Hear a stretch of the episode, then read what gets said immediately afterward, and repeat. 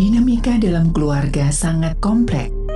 Kematian, adiksi, keuangan, penyakit mental, perceraian, masalah pendidikan, masalah wanita dan peran ayah, gaya hidup, atau masalah yang timbul ketika terjadi transisi. Semuanya adalah masalah yang dapat menghinggapi keluarga. Berbagai masalah ini mungkin tak terselesaikan dengan baik. Hal ini akan berujung pada perselisihan, ketegangan, hingga kebencian antar anggota keluarga. Konflik keluarga dapat merusak masing-masing individu di dalamnya. Bersama narasumber yang berkompeten di bidangnya, akan mengasah keterampilan dalam menyelesaikan masalah secara efektif dalam pelangi kasih. 92,5 Maestro FM House with the Sound. Shalom dan apa kabar Sobat Maestro? Doa dan harapan kami Anda tetap sehat Tetap menikmati segala kebaikan Tuhan. Kembali program Pelangi Kasih hadir menemani Anda di awal minggu yang baru Di bulan yang baru ya. Senin 6 Februari 2023 Dan jika ada Sobat Maestro yang ada pertanyaan ya Seputar keluarga Silakan bisa SMS di 081 321 00925 atau mungkin ada topik-topik yang ingin kami bahas di program Pelangi Kasih, silakan ya Anda bisa SMS ataupun WhatsApp. Saya sudah bersama Ibu Sarah, konselor dari Rumah Konseling Parahyangan Bandung. Apa kabar Ibu Sarah? Puji Tuhan baik. Gimana kabar Mas Ari? Ya, puji Tuhan ya ini sudah sudah banyak yang nanya ini kangen nih dikira kok nggak muncul nih RKP ya Oke,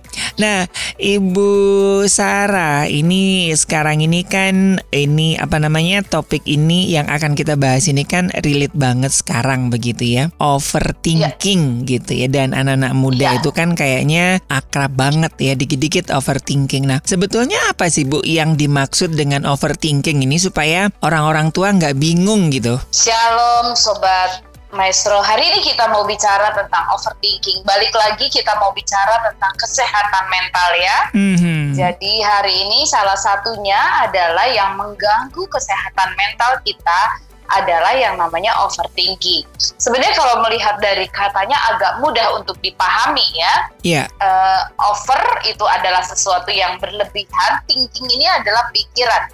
Jadi overthinking adalah eh, bagaimana kita memikirkan situasi tertentu secara berlebihan. Hmm. Balik lagi ya, semua apa pun juga kalau berlebihan itu tidak baik. Nah, ternyata katanya memikirkan sesuatu secara berlebihan itu juga tidak baik. Atau hmm. lebih uh, lebih mudah untuk kita pahami, uh, overthinking ini adalah merenungi masa lalu dan mengkhawatirkan masa depan yang belum terjadi. Oke. Okay. Sebenarnya manusia secara nature gitu ya pasti punya yang namanya kekhawatiran, betul ya Mas Arya? Iya, betul, betul. Tapi ada yang disebut dengan real ya real kekhawatiran dan unreal. Hmm. Nah, sebenarnya manusia itu lebih banyak berpikir unreal kekhawatirannya. Jadi okay. yang realnya yang benar itu cuma 20%, 80% itu hanya karena kita memikirkannya berlebihan gitu ya, hmm. mencemaskannya berlebihan. Jadi overthinking dan anxiety ini berteman baik. Karena okay. overthinking yang terjadi adalah kecemasan atau anxiety. Contoh, ya e, sering kali kita itu e, berpikirnya misal beberapa bulan yang lalu ketika ada gempa di Cianjur, Cianjur ya. Iya. Kemudian mulai orang men membuat posting-posting akan menyusul mm -hmm. patahan Lembang gitu yeah. ya. Nah, orang yang nggak overthinking dia akan bilang begini, oh iya ya kita siap-siap aja deh kalau ada gempa gitu ya. Mm -hmm. Tapi kalau orang yang overthinking dia udah langsung berpikir gini, aduh kalau patahan Lembang terjadi rumah saya rumah saya retak, rumah saya rubuh, saya ketimpa, saya jadi miskin, saya jadi nggak punya apa-apa. Akhirnya yang terjadi dia nggak bisa tidur. Kalau malam hmm. dia mikir, aduh nanti kalau gempa rumahnya sareweh gila ya, yeah, dan iya. nggak yeah. gempa gitu kan.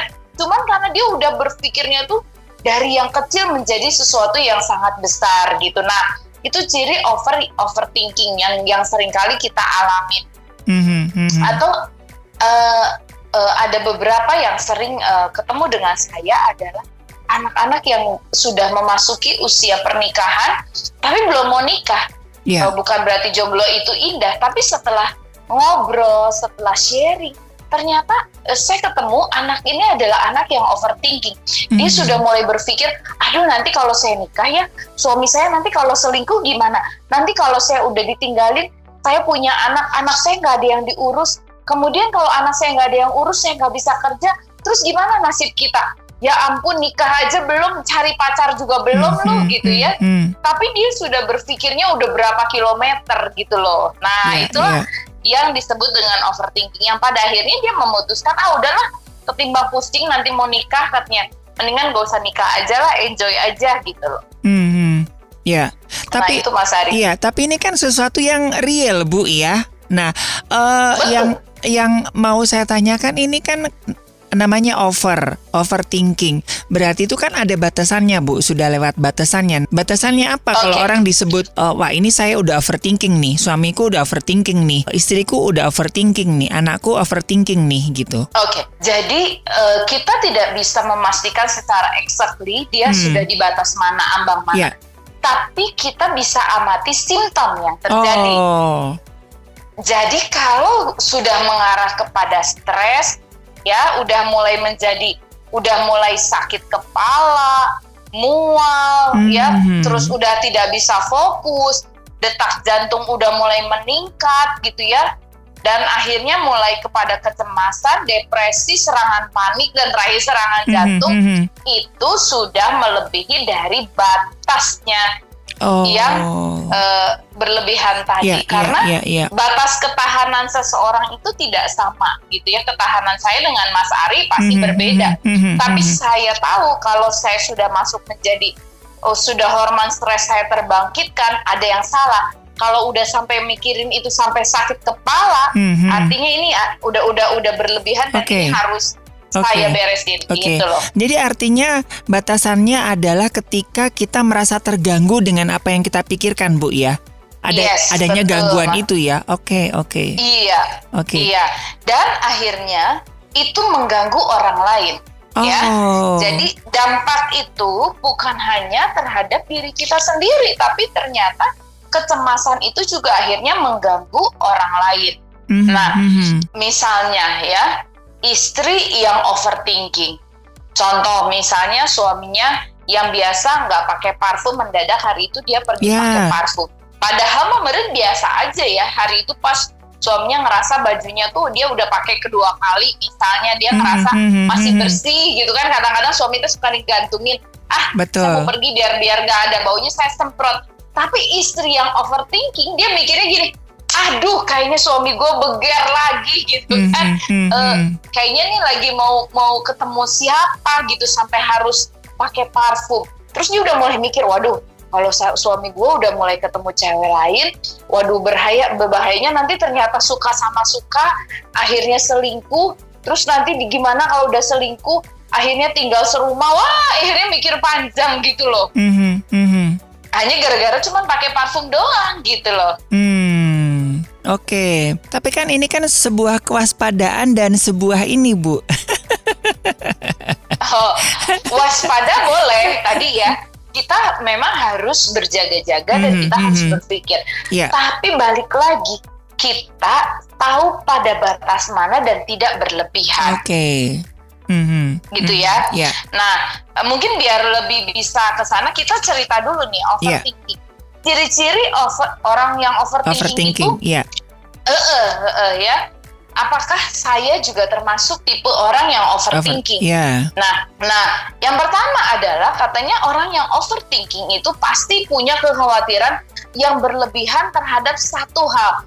Jadi Mas Ari, Mas Ari itu kalau saya tanya Mas Ari punya overthinking, mungkin Mas Ari akan jawab tidak. Tapi mungkin ada satu bagian dalam hidup Mas Ari itu di situ karena pernah ada trauma, mm-hmm. pernah ada sesuatu di belakang yang membuat akhirnya uh, Mas Ari menjadi overthinking. Yeah. Saya mau bagiin ya, saya bersyukur Tuhan memulihkan saya ketika saya ikut konseling. Saya itu satu yang paling saya rasakan adalah overthinking. Satu momen dalam hidup saya adalah saya pernah kehilangan orang yang saya cintai gitu ya. Mm-hmm. Jadi mm-hmm. ketika saya menikah, saya paling takut kalau akan ditinggalkan. Seperti yang saya pernah bilang, saya ngalamin kalau suami saya pergi dari rumah, padahal urusannya mau ketemu keluarganya atau mau ke mana gitu ya, saya selalu mendadak jadi insomnia ya, saya nggak oh. pernah bisa tidur. Tiga hari suami saya pergi, saya tiga hari nggak tidur, bayangin kayak orang gila Padahal suami saya tuh nggak ngapa-ngapain Mas Ari, mm-hmm. cuman mm-hmm. pergi nengok saudaranya misalnya ke Singapura gitu kan. Yeah. Masalahnya waktu itu belum ada handphone, jadi cuman ada telepon. Mm. Waktu itu belum ada WA call. Yeah. Kalau sekarang mungkin kalau ada WA call gitu ya, ada video call, saya agak agak Lebih tenang ya. bisa meringankan. Iya, mm-hmm. gue lihat mana coba kakaknya gitu kan, tinggal yeah. dicek gitu. Oh iya ya, oh suami saya udah lagi bareng sama kakak dan adiknya oh lagi makan oh lagi begitu kan bisa ngecek gitu ya. Mm-hmm. tapi waktu itu nggak ada sehingga yang saya pikirin suami saya pulang apa enggak ya? Gitu loh. Mm. satu ya saya berpikirnya bukan hanya sekedar uh, misalnya dia uh, pergi kepada keluarganya bukan mau selingkuh gitu ya. Sekarang saya sudah berpikir gini aduh nanti kalau pulang naik kapal kapalnya jatuh gimana? Jadi overthinking gitu ya. Hmm. udah gak usah dipikirin gitu Padahal bukannya saya nggak berdoa, saya berdoa gitu kan. Yeah. Tapi ya itu sesuatu yang berlebihan karena ada satu momen bagaimana saya pernah melihat orang yang saya kasih pergi gitu. Jadi buat saya itu sesuatu traumatik dan saya menganggap kalau nanti dia pergi dia juga akan melakukan hal yang sama gitu loh Mas Ari. Hmm. Iya, ini ini sesuatu yang sangat menarik ya Bu ya.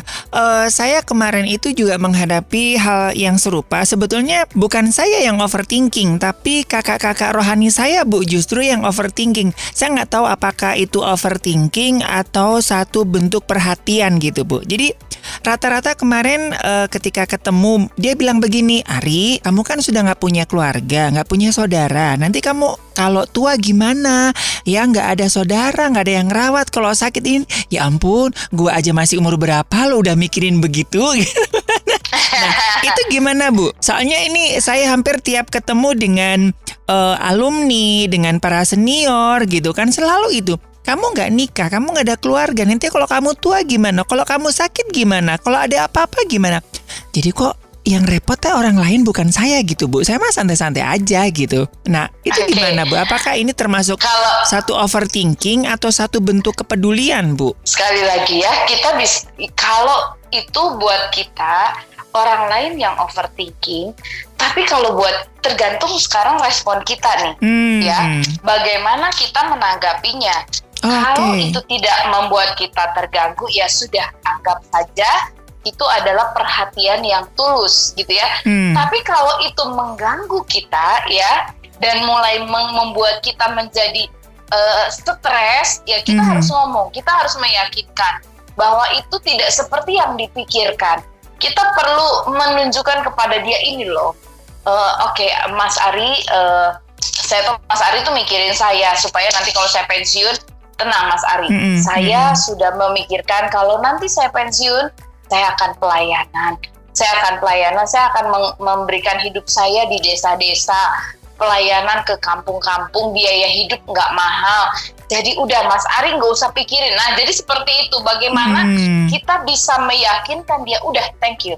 Nggak usah dipikirin lagi about me gitu ya. Saya okay. sudah memikirkannya dan saya sudah tahu apa yang saya akan lakukan. Sehingga mereka merasa gini oh ternyata si Mas Ari itu sudah mikirin buat masa depannya ya sudah. Sehingga mereka tidak distraction lagi kepada hmm, kita. hmm, hmm, gitu. Okay. tapi positifnya yang kita lihat oh orang ini sayang nih yeah, gitu yeah, loh. yeah. nah tapi yang yang masalah adalah kalau yang kitanya adalah overthinking. Hmm itu yang bahaya ya, gitu ya. ya Kenapa? Ya, ya, ya. Yang tadi ya. Jadi kembali ke kuncinya tuh. ke kita ya Bu ya. Kalau ada yang Betul. Ya, Oke. Okay. Betul. Kita tidak pernah bisa mengatur orang lain. Yang kita bisa atur adalah pikiran ya. kita, hati kita, jiwa kita, soulnya kita. Nah, hmm, gitu ya. Hmm, hmm. Nah, satu yang tadi khawatirnya berlebihan nih si tukang kalau kita overthinking. Yeah. Yang kedua adalah kita jadi sering kritik diri kita sendiri. Aduh, hmm. tadi teh harusnya teh gue teh nggak begini. Aduh, bagaimana apa yang gue lakuin ini pasti salah gitu dan yeah, yeah. karena dia suka mengkritik diri sendiri, akhirnya kita tuh gampang nyesel. Aduh, seharusnya gue tadi nggak begitu. Padahal nggak usah disesalin gitu dan belum terjadi apa-apa gitu loh. Okay. Terus udah gitu kita habisin waktu tuh uh, hanya mikirin masa lalu dan kita hanya khawatirin masa depan yang gak jelas gitu loh. Mm-hmm. Padahal uh, kita masih ada di hari ini, kita nggak usah mikirin uh, bulan depan, tahun depan bolehlah kita pikir, tapi jangan sampai kita harus mikir lima tahun. Beda orang yang visioner ya, hmm, Mas Ari. Iya, iya. Nah, uh, saya punya temen, dia bukan overthinking, tapi dia orang yang visioner. Hmm. Jadi dia dia datang kepada saya, dia come up dan dia bilang gini, Sarah, lima tahun dari sekarang saya itu harus punya ini ya. Apa yang saya akan lakukan di tahun pertama, tahun kedua, tahun ketiga. Nah itu namanya visioner. Oke, okay, oke. Okay. Beda. Iya, iya, iya. Tapi orang yang uh, overthinking bicaranya negatif gitu kan. hmm, kan. yeah. kalau gua ya lima tahun dari sekarang nggak punya rumah, mati sar. Gua oh, itu yeah, uh, yeah. ini udah mau pensiun aduh begini, aduh begini. Jadi bahasanya negatif. Negatif. Nah, itu ya, yang berbeda ya, antara visioner dan, dan overthinking. overthinking. Oke, okay. ya. Iya, ya, jadi ini dapat dapat jawabannya Bu saya Bu berarti. Dapat clue iya, ya. Iya, dapat clue-nya. Berarti teman-teman saya visioner Bu ya, bukan overthinking berarti. iya. Kalau ya, memikirkan okay. hal yang positif mm -mm, ya. Yes, yes. Nah, terus uh, apa? Dia berandai-andai pada kejadian tapi yang jelek di masa yang akan datang dan oh. belum pernah terjadi. Mm -hmm. Nah, oke. Okay. Nih satu lagi nih contohnya saya saya tuh memang cukup banyak overthinking karena yeah. Iya. uh, banyak masa lalu yang ini ya saya nunggu Harel kan 11 tahun. Mm -hmm. Ada satu yang paling buruk dari dari saya yang saya belajar bertobat uh, kalau saya mendidik dia, saya tidak menganggap dia seperti spesial dengan 11 tahun ya. Saya bisa mendidik dia tepat seperti maksudnya ya udah tidak seperti anak-anak ya biasa aja. Mm-hmm. Tapi mm-hmm. satu kekurangan saya adalah kalau dia sakit, saya pasti serangan panik. Mm. Nah serangan paniknya itu kenapa gitu ya? E, kalau dia panas demam, panas demam biasa aja saya udah mikirnya gini, aduh demam panas saya Google panas ini penyebabnya apa gitu ya mm-hmm. saya udah mikirnya gitu waduh kalau kena covid gimana kalau sampai sesak nafas gimana sampai pada akhirnya waduh jangan-jangan sampai nanti dia meninggal gimana nah itu tuh overthinking mm -hmm, nah uh, dua bulan eh dua bulan yang lalu ya Iya. ya, yang lagi jatuh itu bukan dia, ya, Bu? Yang lagi jatuh sampai ya. dijahit dalam itu ya? Nah, itu karena udah terjadi saya nggak bikin overthinking ya. oh. Oke. Okay. Karena udah kejadian. Nah, tapi itu uh, setelah itu dia batuk. Oh. Terus dia datang sama saya dan dia bilang, "Mami, saya batuk." Terus udah gitu ada ada darahnya. Wah hmm, saya bilang hmm. kamu bercanda. Terus begitu uh, dia nanti kalau kamu dahak lagi kasih mami. Ternyata benar di situ tuh ada darah. Saya langsung hmm, hmm. Google hmm, hmm. kalau ada dahak ada darah. Waduh dari yang ringan tuh cuma radang tenggorokan. Tapi yang saya bilang itu. Bagaimana kalau TBC yeah. dan yang paling buruknya apa? Waduh saya gimana kalau dia kanker paru-paru? Yeah terus it, itu kebodohannya. Saya saya nggak bisa tidur. Terus udah gitu saya tungguin dia gitu ya. Sampai suami saya bilang mam udah kamu tuh besok kerja. Kamu sakit kalau kamu kayak gitu. Udah besok kan tinggal kita bawa ke dokter terus kita ronsen kan selesai persoalan. Hmm, hmm, hmm, jadi itu itulah yang namanya overthinking itu menjadi sebuah kebodohan buat saya gitu kan saya hilang waktu, saya hilang damai sejahtera, saya mikirnya kan jadi ketakutan gitu. Yeah. Terus ternyata malamnya demam. Saya pegangin, aduh ini nggak apa-apa, ini ini nggak apa-apa gitu ya. Jadi over sesuatu yang dan besoknya ketika kita bawa ke dokter ternyata radangnya itu betul. Jadi hmm. dia ada darah dan karena radangnya itu luka di, di, yeah, tenggorokan. tenggorokan. Persoalan selesai. Hmm. Akhirnya dia hmm. sembuh.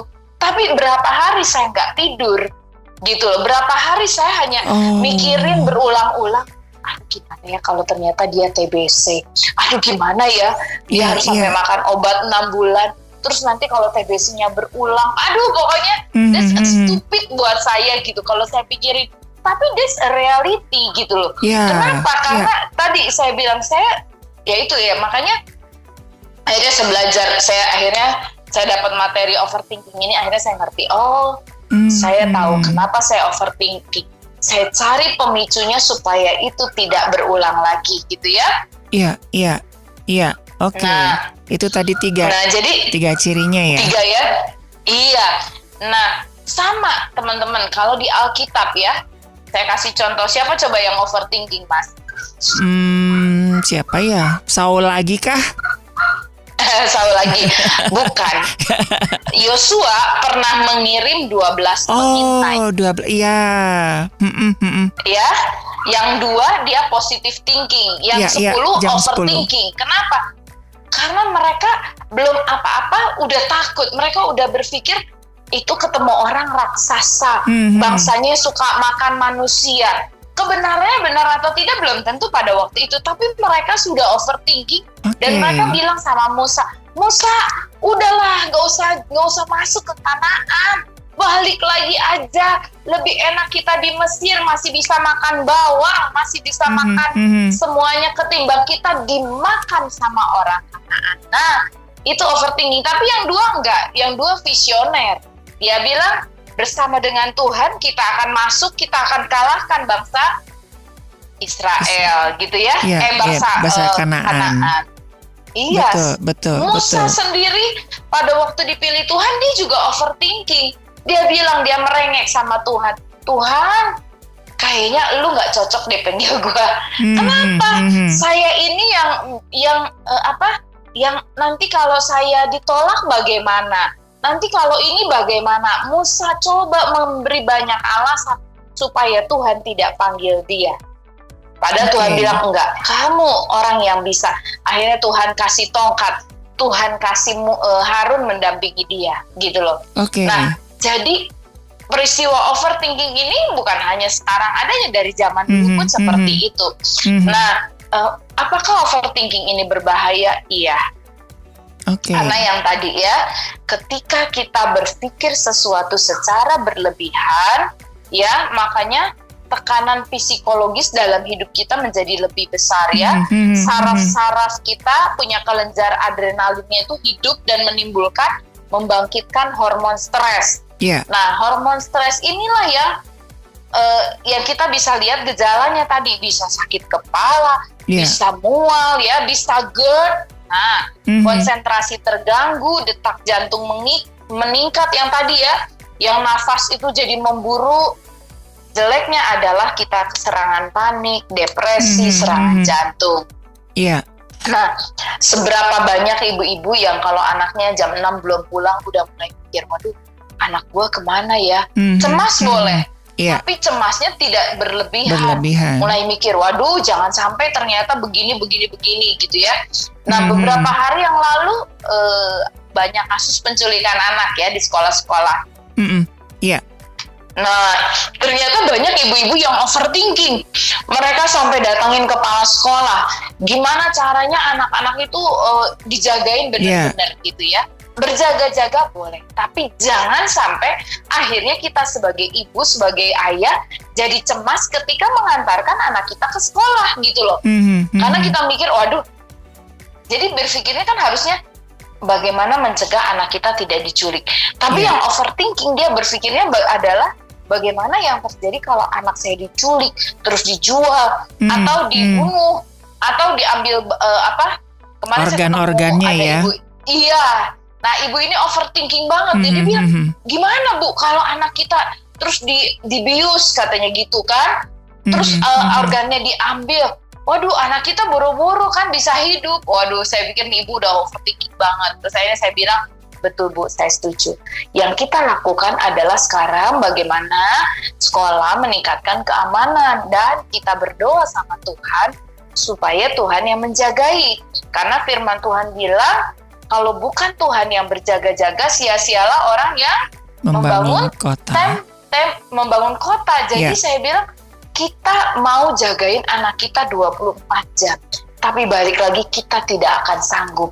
Jadi Mhm. balik lagi kita menyerahkan semuanya kepada tangan Tuhan.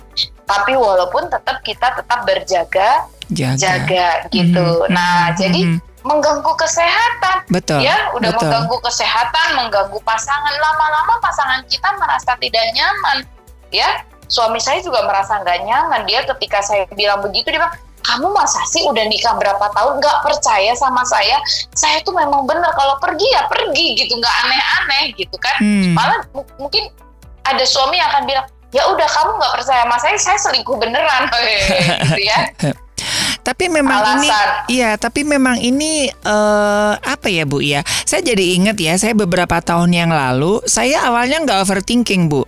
Saya itu tiba tiba-tiba dapat uh, surat panggilan dari kepolisian Metro Jakarta Selatan, Bu. Yeah. Nah, saya pikir ah, ini mah cuman minta sumbangan gitu ya kasarannya. Nah, begitu saya baca ternyata ada pemanggilan sebagai saksi, saksi pembobolan ini hotel tempat saya nginep waktu itu. Saya hmm. pikirnya ya udah datang aja, da, da apa namanya dimintain keterangan. Nah satu kali uh, ketika saya mau berangkat ke Jakarta, ada seorang yang dia ngerti kayak hukum gitu.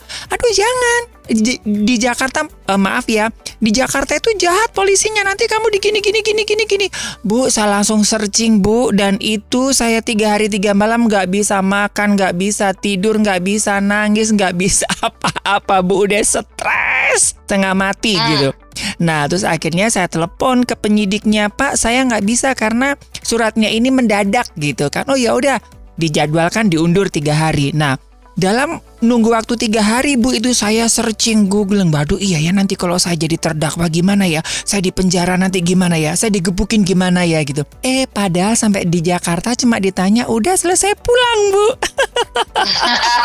Padahal tiga hari udah nggak tidur Tensi udah naik Mah udah kumat ya, gitu ya, ya.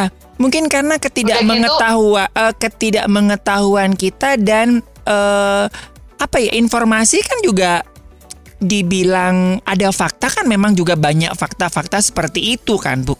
Bu ya, nah ini yeah. gimana sih Bu ya sebetulnya kita menyikapi dengan elegan gitu dengan overthinking ini kan gampang-gampang susah nggak sih Bu? Ya e, balik lagi ini juga kan e, kembali lagi kepada diri kita sendiri. Pokoknya satu prinsipnya e, setiap kali kita dapetin diri kita overthinking uh, kita perlu tahu dulu hmm. kenapa itu terjadi, apa pemicunya. Oh. Karena kalau kita tahu pemicunya gitu ya, sehingga kita bisa ngerti cara ngatasinnya. Hmm. Seperti yang tadi gitu loh ya, hmm. kita hidup itu berdasarkan fakta. fakta. Saya iya. setuju yeah. gitu yeah. ya. Yeah. Tapi sering kali fakta itu belum tentu sebagai kebenaran dalam hidup kita gitu hmm. kan. Hmm. Ya misalnya yeah. yang tadi gitu kan, ciri-ciri orang selingkuh misalnya yeah. ya yang meng, ya ada tapi apakah dengan ciri itu oh sudah pasti Semua, suami kita yes, selingkuh yeah. belum tentu gitu kan mm -hmm, jadi mm -hmm. ayo kita cek jadi jangan hanya melihat fakta dan jangan memikirkannya secara berlebihan dulu mm -hmm. kita cek dari setiap fakta yang kita miliki misal tadi Mas Ari bilang gue takut nih udah dipanggil sama polisi faktanya apa satu faktanya itu adalah katanya nanti disiksa di gini gini gini gini. Kita cek kebenarannya. Siapa sumbernya yang kita harus percayai? Hmm, ya, hmm, hmm. bisa tanya sama penyidiknya, Pak. Kalau saya datang, besok saya diapain? Oh enggak, cuma jawab kan lebih bagus begitu dong yeah. ketimbang kita hanya dengar fakta dari orang-orang yang belum tentu juga itu sebenarnya fakta kebenaran betul gitu kan betul. jadi uh, kita bisa sekarang ini ya bersyukur teknologi udah canggih gitu ya mm-hmm. uh, berita banyak tapi sometimes juga kita perlu recheck cek satu-satu yeah. yeah. yang menyebabkan itu tuh apa gitu seperti tadi saya kan udah tahu anak saya batuk berdahak dan mm-hmm. berdarah mm-hmm. ya udah nggak usah cemas dulu karena cemas di situ juga tidak menolong gitu loh ya yang ada adalah yeah. benar saya bawa ke mm-hmm. dokter mm-hmm amati, kemudian cari solusinya di situ. Selesai, nggak perlu saya mikirin sampai ke kanker paru-paru. Mm-hmm. Gimana mhm. cara nanganin kanker paru-paru? Kejauhan, saudara, gitu ya. Yeah. Kita nggak sampai tiga, nggak perlu sampai tiga kilometer. Kita cukup baru sampai 100 meter selesai kok pertandingannya gitu loh. Hmm, iya, iya. Oke. Okay. Nah, jadi itu, memang it, it, it, lebih banyak ke ini ya Bu ya ke trauma-trauma itu kali ya yang membuat kita lebih mudah terserang overthinking kali Bu ya atau gimana Bu Betul. Sarah? Ya, jadi ternyata overthinking itu penyebabnya itu adalah stres yang pernah kita alami yang dulu-dulu itu masih hmm. berbekas sehingga hmm. itu terbangkitkan kembali gitu loh ya. Kemudian kita tuh punya selalu bikin uh, antara uh, apa ada perbedaan antara ekspektasi dengan realita. Oh, iya. Kadang-kadang kita menempatkan ekspek, eh, ekspektasi kita terlalu tinggi, tinggi. Iya. sehingga ketika ketika nggak nyampe, akhirnya kita jadi overthinking gitu, terlalu overthinking ya, Mhm, gitu loh. mhm, mhm. Nah, terus ada satu yang menarik loh, ternyata dari overthinking ini tipe karakter. Nah, Oh. ternyata karakter yang melankolis itu cenderung tipenya overthinking. overthinking, betul. Karena di iya, karena dia lebih banyak bermain dengan perasaan, dan Perasaan, bukan iya. dengan logika. logika. Nah, ini yang Terus memang udah gitu, yang tadi mau saya mau saya tanyakan apakah memang temperamen atau karakter seseorang ini bisa menyebabkan kecenderungan overthinking. Kan ada orang kan mungkin seperti kalau Lukman misalkan ah gampang gitu aja dah dah tenang. Nah beda tuh dengan Ibu Sarah atau saya misalnya gitu kan yang terlalu banyak.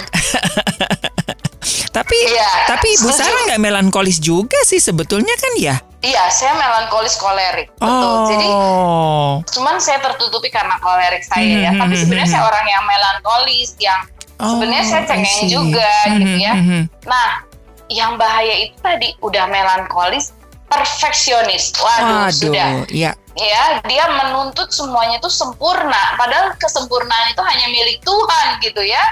Nah, itu Mhm, jadinya mhm. orang kalau orang-orang yang per- perfect itu mengharapkan sesuatu terlalu tinggi gitu loh. Yang Oke. ternyata ternyata nggak kita nggak bisa seperti itu dan kita kecewa gitu kan. Mhm, mhm, mhm. Nah, itu ya. Jadi terus Iya. ya biasanya orang-orang yang tadi punya traumatis di masa lalu ya, trauma-trauma yang uh, belum beres ya tanpa kita sadari, akhirnya itu juga mengotori uh, pemikiran kita sendiri gitu kan. Mhm, Tapi kalau mhm. kita sudah beres ya sebenarnya nggak ada nggak ada masalah gitu kan. Mhm, mhm. Nah, eh, jadi memang eh, seseorang bisa overthinkingnya ya tadi ya trauma. Iya. Dan kalau kita mau jujur, kalau bicara melankolis itu lebih banyak kepada per- lebih banyak perempuan dibanding pria Laki-laki, ya kalau iya. saya lihat ya karena laki-laki tuh eh, logikanya lebih berjalan dibandingkan Betul. perasaannya gitu betul, kan betul, sehingga ya itu wanita lebih banyak overthinkingnya walaupun ada juga pria-pria yang overthinking gitu betul. ya Iya. Nah, jadi eh, balik lagi ya, kita eh, sobat maestro, yuk kita cek dalam keseharian apakah kita eh, masih memiliki yang namanya overthinking atau tidak ketika Mhm, kita mhm. menjalani sehari-hari supaya kita hidup merasa nyaman. Kita nggak dibayangin ketakutan, kita tidak dibayangin kecemasan ketika kita menjalani hari-hari kita setiap hari gitu ya. Karena tadi ya dampak dari overthinking adalah eh, apa aktivitas sehari-hari itu eh, jadi terganggu. Kita Mhm, sulit untuk mhm. fokus gitu kan. Kemudian eh, kita juga cenderung susah untuk menyelesaikan masalah. Karena udah udah stres kita jadi balik lagi mental block. Umatnya Hmm, lagi ke mental block juga gitu ya. Kita jadi nggak bisa berpikir apa-apa gitu kan. Iya. Nah, terus eh, kesulitan yang ketiga adalah kesulitan untuk mengelola emosi bayangkan Oke. Ya kalau emosi kita kita tidak bisa kontrol, kita bisa nangis mendadak, marah mendadak gitu ya. Jangankan orang lain kita sendiri juga bingung dengan diri kita sendiri. Mhm, Terus mhm, gimana mhm. pasangan kita? Gimana dengan anak-anak kita gitu loh. Oke. ya? Mereka akan lebih bingung lagi. Lah kita aja bingung, gimana dengan suami dan anak-anak kita melihat kita ini punya mami sebentar marah, sebentar nangis, sebentar ketawa, lama-lama orang pikir kita skizofrenia pula, gangguan jiwa beneran gitu kan. Mhm, mhm. Ya. Iya. Dan iya. dampaknya itu tadi ya, kalau kita sudah sampai ke depresi, eh, ya kita akhirnya harus ketemu psikolog ya, psikiater, eh, harus makan obat gitu ya. Mhm. terus udah gitu mempengaruhi eh, kesehatan kita sendiri gitu ya kita jadi orang yang sakit-sakitan gitu kita tidak fit muka kita menjadi tidak eh, kita bisa lihat ya muka orang yang eh, seger ceria menyenangkan dengan orang yang stres yang depresi gitu ya aura wajahnya itu kayaknya gelap kelam gitu kan Mhm, mhm. dan akhirnya kita akan dijauhi oleh Iya. orang-orang di sekitar kita karena kita menjadi orang yang tidak menyenangkan gitu Mhm, loh buat mhm. orang lain gitu loh. Iya. Iya. Itu Betul. dampak dari kalau kita punya overthinking yang tidak kita bereskan, Mas Ari. Mhm, mhm, mhm. Oke. Nah, kira-kira ada nggak Bu solusinya, Bu? Soalnya Oke. eh, ini kan saya kan juga pendampingan ke orang-orang yang sakit terminal ya, Bu ya. Itu kan mood swing banget, Bu, gitu. Iya, yang kita nggak bisa tebak ya. Iya. Oke. Nah, untuk untuk yang cara mengatasinya ya eh, apa ada yang disebut dengan kita itu eh, menemukan pemicunya. Yang kedua adalah mindfulness. Kita Oh. membuat orang yang kita dampingi itu memiliki kesadaran penuh. Mhm, Ya. mhm. Satu adalah kita pastikan yang dia sadari itu kenapa dia menjadi terlalu ba- eh, banyak berpikir. Kita bawa dia, kita harus sadarkan dia apa yang dia pikirkan itu. Mhm, mhm. Ya, yang kedua adalah kenali bahwa eh, apa eh, peran eh, pikiran-pikiran negatif yang berulang itu harus kita buang. Nah, balik lagi ya, ternyata kan kalau kita menangani atau mendampingi, kita memang harus banyak ajak bicara dia dan menemukan Mhm, mhm. eh, hal-hal apa yang dia pikirkan berulang-ulang. Oh. Misalnya orang-orang yang eh, yang tadi ya, yang sudah terminal illness, Mhm, mhm. memang secara fakta adalah orang kalau dokter bilang dia masa hidupnya tidak lebih dari 12 bulan. Itu fakta, betul? Mhm, mhm. Tapi kan itu itu di tangannya manusia, Iya. di tangan Tuhan segala sesuatu bisa Yes. terjadi. Betul. Nah, Amin. kita perlu melihat apa yang dia pikirkan berulang-ulangnya sehingga kita bisa menolong dia. Oh, ternyata yang dia pikirkan adalah bukan kematiannya gitu ya. Mhm, Kita mhm. pikir oh, ternyata dia terminal illness dan dia pikir dia akan segera mati. Padahal yang dia pikirkan berulang-ulang adalah bagaimana misalnya anaknya masih kecil dan kalau nggak ada dia siapa yang akan urus anaknya. Jadi Mhm, mhm, akhirnya mhm. kita berbeda kan Iya, iya. dia mikir yang A, kita pikirnya Iya. yang B. Mhm, Tapi kalau kita mau menolong, termasuk diri kita sendiri, mhm, kita harus menerjemahkan apa yang ada di kepala kita, mhm. ya. Dengan Iya. cara yang pertama kita bisa tulis, ya, seperti yang biasa kita nulisin apa iya. yang di pikiran kita, apa yang kita rasain, atau kita ketemu dengan konselor, gitu ya, rumah konseling parahyangan, ada buat sobat maestro Mhm, juga mhm. atau seperti yang tadi bersama dengan Mas Ari gitu kan kita coba terjemahin apa yang kita pikirkan berulang-ulang dan sampai ke mana pemikiran itu gitu loh Mhm, jadi kita mhm. dengerin yang terminal illness ini dia cerita iya mas saya divonis cancer. Oh baik. Kalau divonis eh, cancer apa yang bapak pikirin? Iya saya mikir kalau eh, dokter bilang waktu hidup saya enam bulan saya nggak takut dengan kematian. Yang saya takutkan adalah anak saya yang Hmm. usianya misalnya lima tahun eh, dia harus hidup dengan siapa Mhm, mhm, Kemudian mhm. bagaimana dia akan hidup untuk sekolahnya, untuk ininya. Oh, akhirnya kita ngerti. Ya, Jadi ya. dia dengan kematiannya dia sudah siap, dia nggak ada Iya. masalah kapan pun kematian itu datang. Jadi yang kita bantu adalah bagaimana menolong dia untuk dia punya a way out untuk anaknya kan Mhm, gitu ya mhm. Mas Ari. Iya, iya, iya. Tapi ada ketakutan orang- ketakutannya Ada orang ya. yang ketakutannya itu berbeda. Mhm, Misalnya saya mhm, punya mhm. teman dia kena eh, cancer eh, pasofaring yang dia pikirin Mhm. adalah dia bilang "Eh, saya gimana ya kalau kalau langsung mati dia bilang saya nggak apa-apa. Tapi kalau ini ya eh, saya pernah lihat ini eh, sampai berlubang Mhm, eh, lehernya mhm, dia mhm. bilang gitu. Terus saya nggak bisa ngomong. Terus ah itulah ya overthinkingnya Iya, keluar iya. saya nggak bisa ngomong, kemudian saya sakit, saya eh, nggak tahu nggak bisa punya uang buat ngobatin sakit Mm. saya, Iya. terus nanti kalau saya mati uang biaya penguburannya udah sampai begitu tuh Iya, overthinkingnya. Nah kalau ini dia bener-bener mikirinnya tuh sampai ke situ, jadi Mhm, mhm. akhirnya saya coba coba catat, oh dia mulai berpikir ke arah sini, ke arah sini, ke arah sini. Mhm, mhm, Jadi step by stepnya saya Iya. tahu, oh langkahnya dia udah kejauhan. Iya, Yang tugas iya. saya adalah mengembalikan dia kepada posisinya hari ini dan Mhm. mengizinkan Tuhan mendampinginya melewati setiap langkah-langkah yang akan ada terjadi okay. di depan gitu loh Mas Ari. Oke, okay, oke. Okay. Jadi memang ini pentingnya ya kita menerjemahkan apa yang kita pikirkan ya Bu ya sebetulnya ya ditulis Betul. gitu ya supaya kita lebih lebih jelas sebetulnya dengan uh, apa sih yang sebetulnya uh, sedang terjadi supaya kita tidak terlalu keluar jalur gitu ya. Betul. Mm-hmm, mm-hmm. Itu perlu dipikirkan perlu betul yeah, yeah, ya kita yeah. harus mempersiapkan uh, kematian kita dengan baik itu istilahnya wariskanlah value-value buat yang orang-orang yang akan kita tinggalkan tetapi tidak berlebihan mm-hmm, gitu dan mm-hmm. tidak membuat menjadi kecemasan betul, gitu loh Mas Ari. Betul, betul. Ya. Betul. Saya kadang-kadang hari-hari ini suka bertanda dengan suami. Eh nanti kalau di surga kita ngapain ya gitu ya.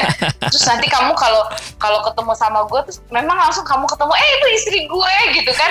Gimana ya gitu ya. Itu itu bukan overthinking tapi kami lagi bercerita santai aja iya ya uh, ada orang bilang nanti di surga penyembahan terus. Mm-hmm. Padahal sekarang kita mm-hmm. penyembahan di bumi aja satu jam udah diem capek. Masih ini penyembahan. Jadi akhirnya kita itu tidak overthinking, tapi kita yeah, iya. bicara yeah. Uh, hanya merasa oh itu gimana kita ya gitu. Hanya itu saja dan tidak menimbulkan kecemasan. Kecemasan. Boleh yeah. boleh. Mm-hmm. Iya. Mm-hmm. Jadi mm-hmm. yang disebut dengan overthinking itu selalu hasilnya negatif ya. Mm-hmm. Kecemasan, depresi uh, itu sudah itu itu sudah mengganggu gitu loh. Oke, okay. jadi udah dapat clue-nya ya sobat maestro ya. Jadi kalau misalkan apa yang ada pikirkan way out-nya negatif itu overthinking. Tapi kalau way out-nya positif itu visioner. Uh, visioner. Visioner iya. gitu ya. jadi dan kita harus punya visioner Mas hmm, Ari. Kalau okay. kita nggak punya visi, uh, kita akan liar. Kita, kan firman Tuhan mm-hmm, liar mhm, langkahnya. Mm-hmm, kita nggak yeah, pernah yeah, tahu yeah. ke mana goal kita. Kita harus, tapi itu sesuatu ya positif, bukan yes, ya negatif. negatif. Saya tuh saya tadi ngobrol sama suami. Saya pernah nonton satu film. Aduh saya lupa itu serialnya sangat menakutkan buat saya dan saya tuh dasar orang ya ditonton juga tapi sesudah itu saya jadi nyesel jadi dia itu filmnya itu uh, membuat banyak satu tim mati semua. Mm-hmm. Misalnya dia naik uh, roller coaster, mendadak si roller coasternya ada satu scoopnya lepas. Mm-hmm. And then yang terjadi roll, satu roller coaster itu hancur dan mm. kemudian semuanya mati terlempar gitu loh. Mm-hmm. Saya lupa ya itu apa nama filmnya itu sempat legend di tahun-tahun saya itu sampai berapa seri ada satu dua tiga empat di bioskop. Mm -hmm. Tapi jadi menceritakan satu hal yang kecil terjadi tapi langsung membuat banyak orang bisa mati gitu loh. Oh, iya. Nah, waktu saya nonton itu itu tuh mencemari pikiran saya sehingga saya mulai berpikir gara-gara ini aja bisa segitu banyak orang mati gitu loh. Mm -hmm. Padahal kan nggak seperti itu gitu loh. Oke. Okay. Tuhan ya. berdolat dalam hidup kita ya. Betul, betul. Segala sesuatu Tuhan izinkan terjadi dalam hidup kita untuk mendatangkan kebaikan. kebaikan. Nah, hmm, cara hmm, ngatasinnya hmm. ya overthinking yeah. itu ya yang pasti adalah yang tadi pertama kita punya kesadaran dulu ya yeah. bahwa kita udah terlalu ini dan fokus kepada pemecahan masalah bukan kepada masalahnya. Hmm, Fokusnya hmm. itu kepada penyelesaiannya bukan kepada, kepada ya. masalahnya, ya. pada solusinya. Yeah. Iya. Nah, saya mau baca ini overthinking ini paling enak tuh di Alkitab. Matius yeah. 6 ayat 25 tuh ya saya bacain aja ya. Hal kekhawatiran karena itu aku berkata kepadamu janganlah khawatir akan hidupmu akan apa yang hendak kamu makan atau minum dan janganlah khawatir pula akan tubuhmu akan apa yang hendak kamu pakai Bukanlah hidup itu lebih penting daripada makanan dan tubuh itu lebih penting daripada pakaian. Pandanglah burung-burung di langit yang tidak menabur dan tidak menuai dan tidak mengumpulkan bekal dalam lubuk. Namun diberi makan oleh Bapamu yang di surga. Bukankah kamu jauh melebihi burung-burung itu? Dan yang terakhir ya, ayat 34-nya sebab itu janganlah kamu khawatir akan hari besok karena hari besok mempunyai kesusahannya sendiri. Kesusahan sehari cukuplah untuk sehari, ya. Mm-hmm. Jadi jawabannya firman Tuhan sederhana aja. Yeah. Udah, jangan pikirin kesusahan, mm-hmm. tuh ya. Kita pikirin masa depan iya, tapi yang kita nggak boleh pikirin adalah kesusahannya ya. Yeah. Kesusahan sehari cukup untuk sehari, jangan dibawa sebulan, jangan dibawa bertahun-tahun ya. Mm-hmm. Cukup mm-hmm. sehari ke sehari kita jalani, kita belajar bersyukur buat setiap situasi. Dan kalau kita mendapati ada sesuatu yang kita takutin, yang sesuatu yang kita cemaskan, yang pertama adalah kita bawa kepada Tuhan. Tuhan, hari ini aku cemas lihat anakku. Anakku mulai tidak bisa diatur. Anakku mulai uh, sikapnya berubah sebelum kita mencari fakta kita bilang Tuhan siapkan aku Tuhan bawa aku untuk bisa melihat dari sudut pandang Tuhan bukan dari sudut pandang saya sebagai seorang ibu ya mm-hmm. sehingga kita nggak menjadi cemas lihat anak kita bergaul dengan cowok-cowok kita udah bilang aduh jangan-jangan anak gua homo yeah. ya anak kita bergaul sama anak perempuan deket-deket, aduh jangan Lesbian. sampai nanti pergaulan bebas gitu ya.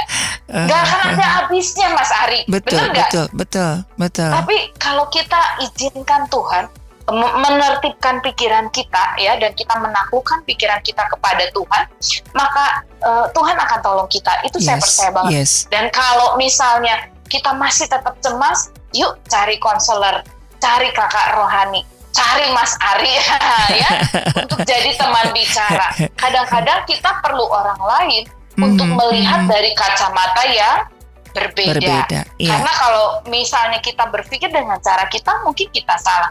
Tapi mungkin suami kita atau kakak rohani kita mempunyai pandangan yang berbeda, yang meneguhkan dan membuat kita mengerti, oh ternyata saya sudah overthinking, hmm. oh ternyata saya salah, gitu ya. Yeah. Ya saya juga ngomong waktu itu saya bersyukur saya punya pembimbing dia bilang, "Tar, suamimu tuh orangnya baik, kamu nggak pernah bisa samain sama orang yang pernah ninggalin kamu gitu loh. Mm -hmm. Jadi kamu nggak bisa patok semua orang tuh seperti orang itu, nggak bisa gitu loh. Yeah. Dia dia dia A, dia B, dia punya karakter, dia punya latar belakang yang berbeda.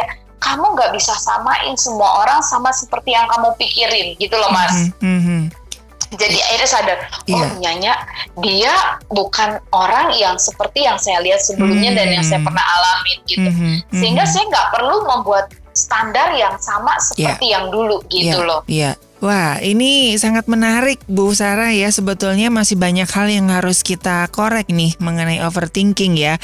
Tapi waktu iya. membatasi yeah. kita Bu Sarah. Iya, iya. Nggak, nggak terasa ini sudah hampir satu jam. Nah, kira-kira Bu, apa yang bisa kita simpulkan uh, dari sekelumit secuil apa yang kita bahas? Kayaknya ini harus ada part-part selanjutnya nih Bu mengenai overthinking yeah. ini Bu Sarah. Boleh ya. Next uh, minggu depan kita lanjutin ya. Ya. Jadi nanti kita bicara tentang mindfulness ya, hmm. bagaimana kesadaran penuh.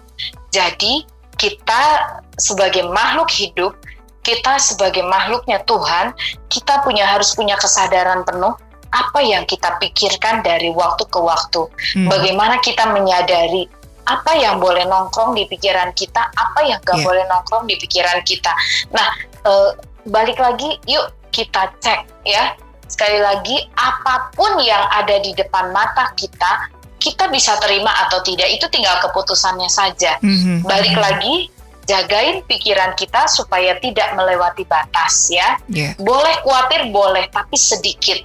Kita boleh takut boleh tapi bolehnya sedikit. Semua harus nggak boleh berlebihan ya. Dan ayat yang terakhir selalu saya bilang Filipi 4 ayat 8. Jadi akhirnya saudara-saudara semua yang benar, semua yang mulia, semua yang adil, semua yang suci, semua yang manis, semua yang sedap didengar, itulah yang disebut kebajikan dan patut dipuji pikirkanlah semuanya itu. Jadi kita punya screening ya, kita punya antivirus yang kita harus tanamkan di dalam pikiran kita firman Tuhan uh, ya buku bacaan yang positif itu harus kita terus masukkan ke dalam pikiran kita supaya itu menggeser semua pikiran-pikiran yang negatif ya mm-hmm. itu menggeser semua pikiran-pikiran yang enggak pas ya yang tadi ya yang halu-halu yeah. yang galau-galau gitu ya ibu-ibu nah itu bisa kita singkirkan balik lagi screeningnya adalah ada di dalam keputusannya dari dalam hidup kita sendiri. Orang lain boleh berkata apa, mm-hmm. tapi keputusannya kita mau terima atau yeah. tidak gitu. Oke, iya, wah ini keren sekali ya Sobat Maestro ya. Semoga Anda juga mendapatkan satu pencerahan ya hari ini ya untuk tidak overthinking, tapi lebih ke visioner gitu ya. Ibu Sarah, terima kasih buat hari ini, Bu Sarah. Sama-sama Mas Ari. Iya, baik Sobat Maestro, dari Gra Maestro Jalan Kacapring 12 Bandung, saya Ari dan Ibu Sarah, konselor dari Rumah Konseling Parahyangan Bandung mengundurkan diri dari program Pelangi Kasih. Buat Anda yang mungkin membutuhkan konseling ya lebih lanjut lagi, nanti bisa menghubungi kami akan kami uh, berikan call center dari Rumah Konseling Parahyangan Bandung. Tetap jaga protokoler kesehatan, mari kita terus kembangkan kapasitas kita dan Tuhan memberkati.